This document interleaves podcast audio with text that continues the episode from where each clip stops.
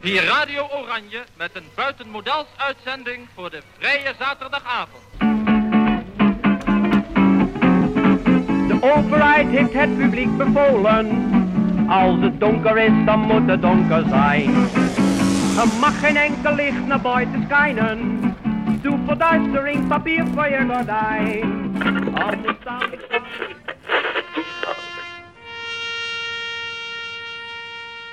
Bezet. Audiomonumenten van de stad Amsterdam.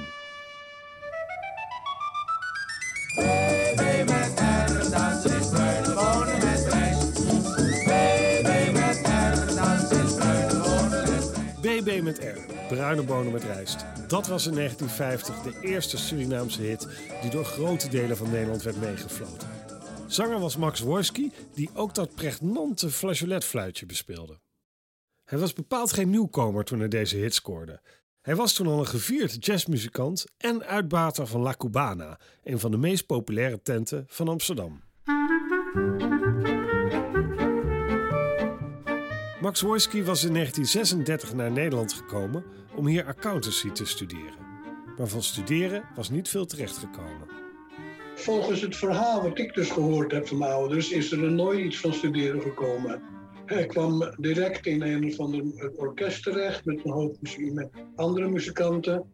En hij, hij kreeg meteen kreeg genoeg werk om, om, om zich te kunnen onderhouden. Al dus Ronnie Worski, zoon van Max, en ik spreek hem via de beeldtelefoon.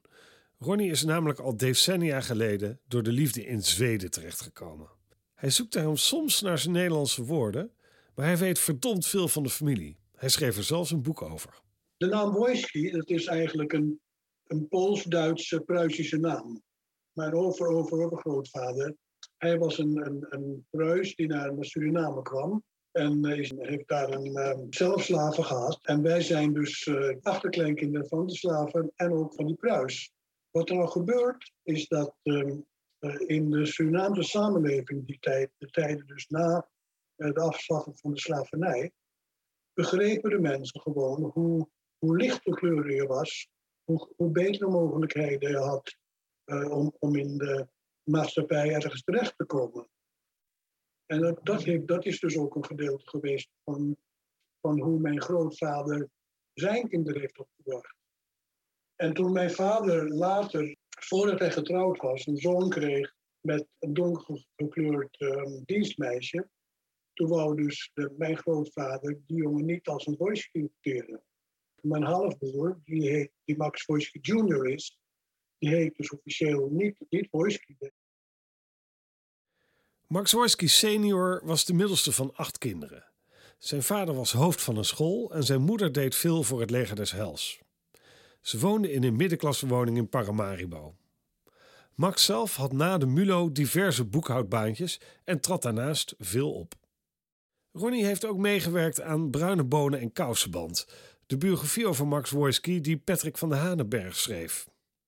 De Nederlandse cabaret- en muziekauteur vertelt over de levendige jazzscene in de jaren 30, waar Max Wojski in terecht kwam. De jazz is, is toch eigenlijk een, een Afro-Amerikaanse aangelegenheid. Hè? Dat, dat is de bron. En na de Eerste Wereldoorlog zijn er veel Afro-Amerikanen in Europa blijven hangen.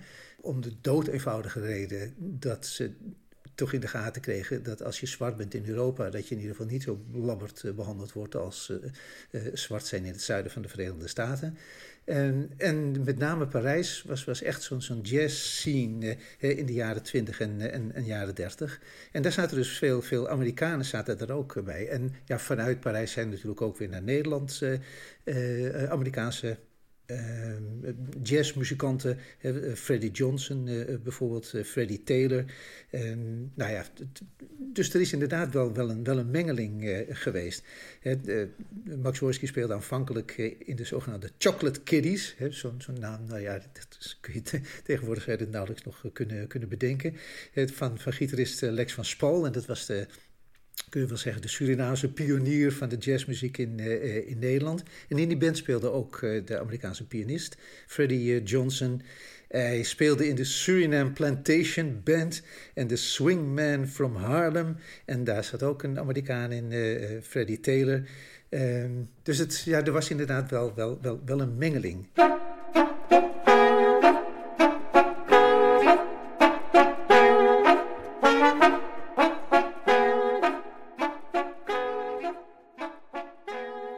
Jazz was even hip als dat het controversieel was.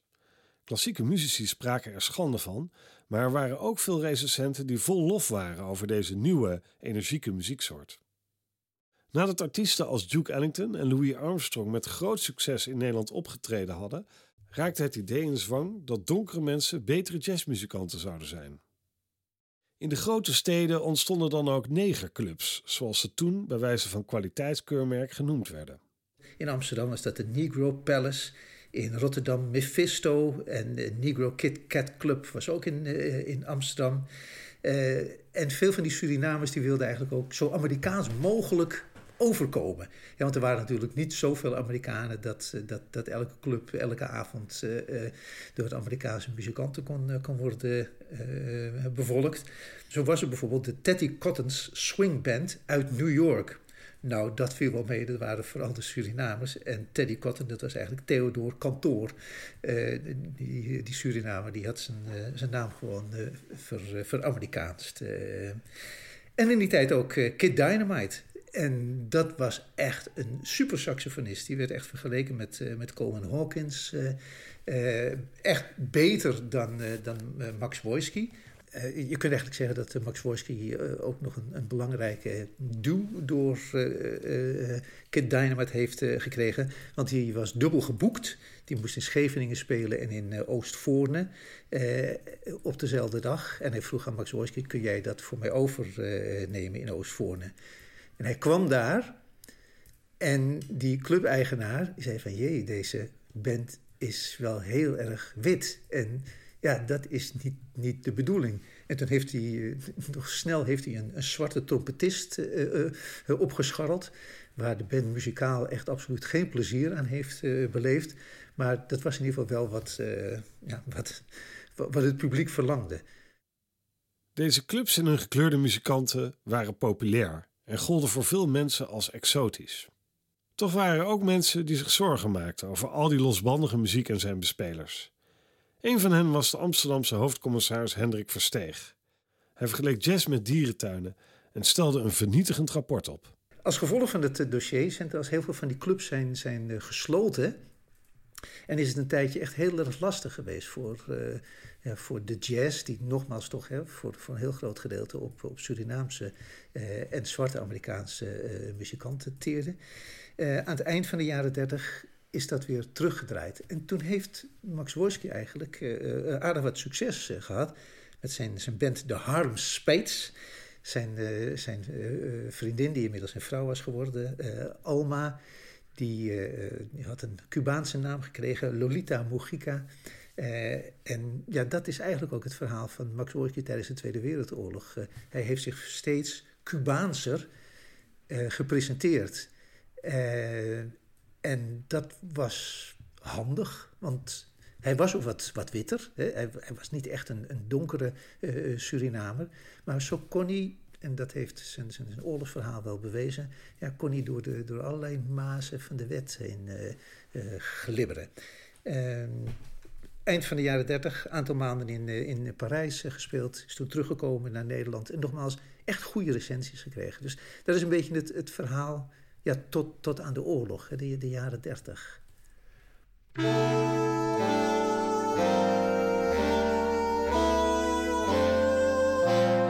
carrière van Max Wojski was goed op stoom toen de Duitsers Nederland binnenvielen. Behalve dat reizen lastiger was, veranderde er aanvankelijk niet zoveel voor Wojski en zijn collega's.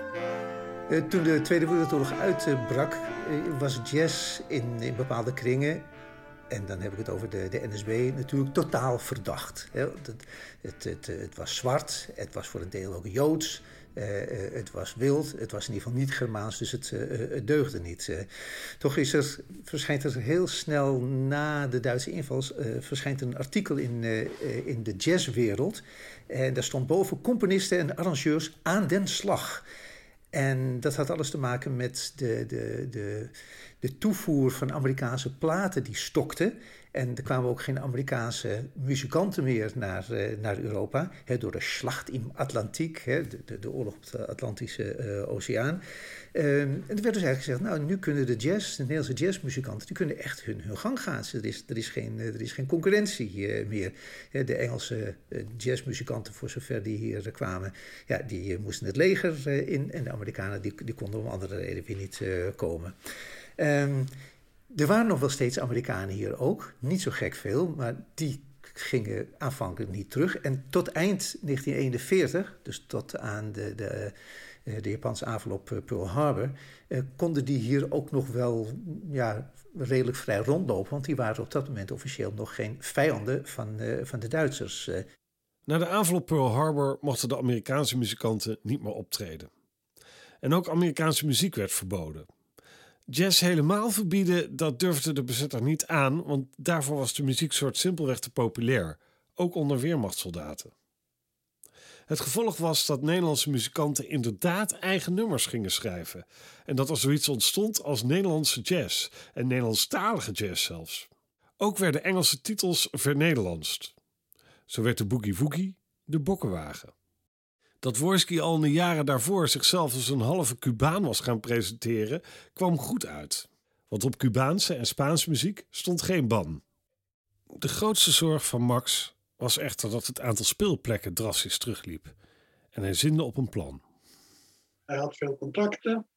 En toen kreeg hij dus het idee om, om, om te proberen zelf een, een jazzcafé te beginnen. En toen had hij dus een paar muzikus bij, bij zich. En er was, had een heleboel uh, vrienden die toen, toen studenten waren. Een van hen was Freddy Heineken. En die hebben hem toen geholpen uh, een cafeetje te financieren.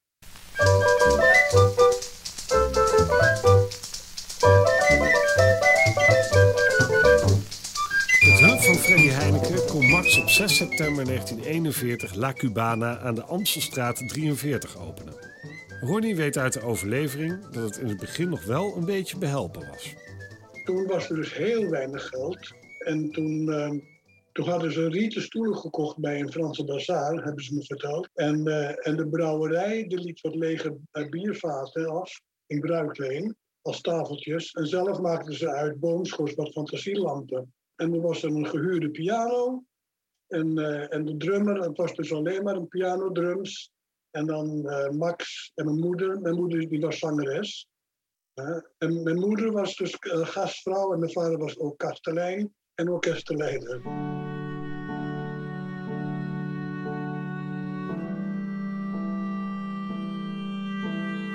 Als in november 1941 de cultuurkamer geïnstalleerd wordt, weten de autoriteiten niet zo goed wat ze met de Surinaamse muzikanten aan moeten.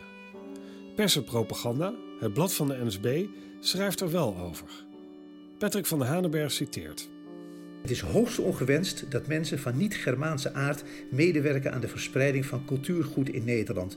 De gevolgen van dit vernegeren en verjoodsen van de Nederlandse vermaakmuziek mogen u algemeen bekend worden geacht. Ten aanzien van de Joden heeft de bezettende macht reeds afdoende uh, ingegrepen. Ten aanzien van de negers neem ik zelf maatregelen. Ofschoon de grote afkeer der blanke vrouwen van negers algemeen is, wisten deze laatste door hun zinnelijke muziek de meisjes onder hun invloed te brengen. Een tweede argument is dat de Suriname-negers vrijwel geen vakopleiding hebben genoten. Het zijn meest lieden die als stoker, verstekeling of deserteur naar Nederland zijn gekomen. Hun gevoel voor ritmiek was aanleiding dat zij vrij snel een instrument leerden bespelen. Het beroep muzikus is bovendien een rein beroep, in tegenstelling tot bijvoorbeeld dat van stoker. Het zal u bekend zijn dat negers gaarne opvallend als heer gekleed gaan. En dan verder merkt hij nog op eh, dat hij uit de goede bron heeft vernomen dat de Suriname-negers niet raszuiver zijn, maar deels ook nog eh, Joods bloed hebben. In de bloeiperiode van Suriname waren tal van plantages in handen van Joden, waardoor de bloedvermenging met de zwarte slaven verklaard uh, wordt. Nou, dus het, het, werd wel steeds lastiger uh, uh, gemaakt. Uiteindelijk mogen donkere muzikanten niet meer optreden. En de Surinaamse jazzmuzikanten doen er werkelijk waar alles aan om onder dit verbod uit te komen. Ze passen hun repertoire aan of geven nummers een Duitse titel. Kid Dynamite, die inmiddels onder zijn gewone naam Arthur Parisius speelt, weet tot 1943 zelfs een uitzondering te organiseren doordat hij SD-mensen en weermachtssoldaten onder zijn fans heeft. Max Wojski en een aantal andere lichte muzikanten bewandelen een wel heel vreemd pad. Door zijn lichtere tint weet hij een arierverklaring uh, te regelen. Uh, hij heeft inmiddels dan ook een, nieuwe club geopend, want die in de Amstelstraat uh, is eigenlijk te, te klein. dan opent hij op 1 mei 42 La Cubana in de Leidse straat, nummer 52. En hij krijgt dus inderdaad die, die verklaring La Cubana kan dus open blijven. Maar er moesten wel meerdere bordjes op de ramen geplakt worden. Zo is de tent nu niet alleen voor Joden verboden, maar ook voor weermachtssoldaten. Bang als de bezetter bleef voor de aantrekkingskracht van die swingende muziek. Max nam zelfs een nog drastischer besluit.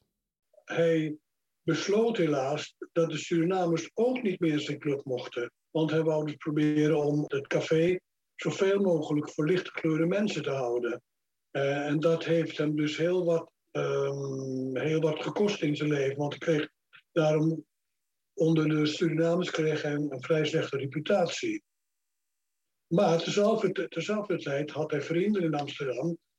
Uh, en hij was heel erg uh, bezig, in, ook in het verzet. En ik weet bijvoorbeeld het verhaal dat hij met zijn beste vriend nog een, een koe had geslacht in de kelder onder het, onder het café. En dat hij verdeeld onder de mensen. En ik weet ook nog bijvoorbeeld dat, er, um, dat wij bij ons een Joodse familie als onderduikers bij ons thuis hadden. Max Wojski en La Cubana halen redelijk ongeschonden het einde van de oorlog, al bleven Surinamers uiterst kritisch over zijn keuzes. Hij is de mist ingegaan, dat is, dat is duidelijk. Uh, uh, maar om nou te zeggen dat hij tot de absoluut foute Nederlanders uh, behoorde, die, die, die bloed aan zijn handen heeft, ja, dat is echt natuurlijk absoluut onzin. zijn, zijn zoon Ronnie, die heeft wel eens gezegd: Je kon tijdens de oorlog kon je merken dat mijn vader het, het motto had: Laat nooit je onzekerheid zien, laat nooit je zwakte zien, bluff, lieg en versier. En dan kom je er door. Dan kun je door, door alle ellende eigenlijk heen uh, komen. Aan het eind van de oorlog is La Cubana wel gesloten. Er kwam iemand van de NSB langs en die eiste 100 gulden voor de frontzorg. En dat heeft, uh, heeft dat geweigerd. En toen is La Cubana moest sluiten. Maar dan hebben we het al over januari 1945. En op 4 mei net dus voor, uh, net voor de bevrijding, is hij weer open gegaan. Uh, maar goed, daarna heeft hij dus wel flinke klappen gekregen van, van Surinamers, waardoor hij in het ziekenhuis ook terecht is gekomen. Na die ene knokpartij keerde de vrede terug en speelde Worskal snel weer samen met zijn donkerdere collega's. De eerste jaren, het eerste jaar na de oorlog, was waarschijnlijk een beetje, een beetje moeilijker, maar het is allemaal heel goed gekomen. En speciaal juist de tijd toen hij uh, dan uh, een paar jaar later vrij beroemd en hij kreeg uh, grammofoonhits en zo. En hij speelde Surinaamse muziek en toen was, nou, toen was hij gewoon een Surinamer in Nederland. Toen, to, toen wij het wel eens over hadden, toen, toen, ik nog, toen ik nog een kind was, toen zei hij vaak, ja, maar ik moest toch mijn boterham verdienen. Jij moest, jij moest toch je melk hebben, of, of jij moest toch je boterham hebben. Dat zei hij altijd tegen mij. Mee, mee met Ernst, dat is bruine bonen met vlees. Mee, mee met Ernst, dat is bruine bonen met vlees. Je luisterde naar Caribisch Swingen in oorlogstijd. Een podcast gemaakt door Pieter Bas van Wiegen in opdracht van het Amsterdams 4 en 5 mei-comité. De muziek was van Maarten Ornstein en natuurlijk ook een beetje van Max Wojski. Wil je meer horen? Abonneer je dan vooral op Bezet, audiomonumenten van de stad Amsterdam, de podcast van het Amsterdams 4 en 5 mei-comité.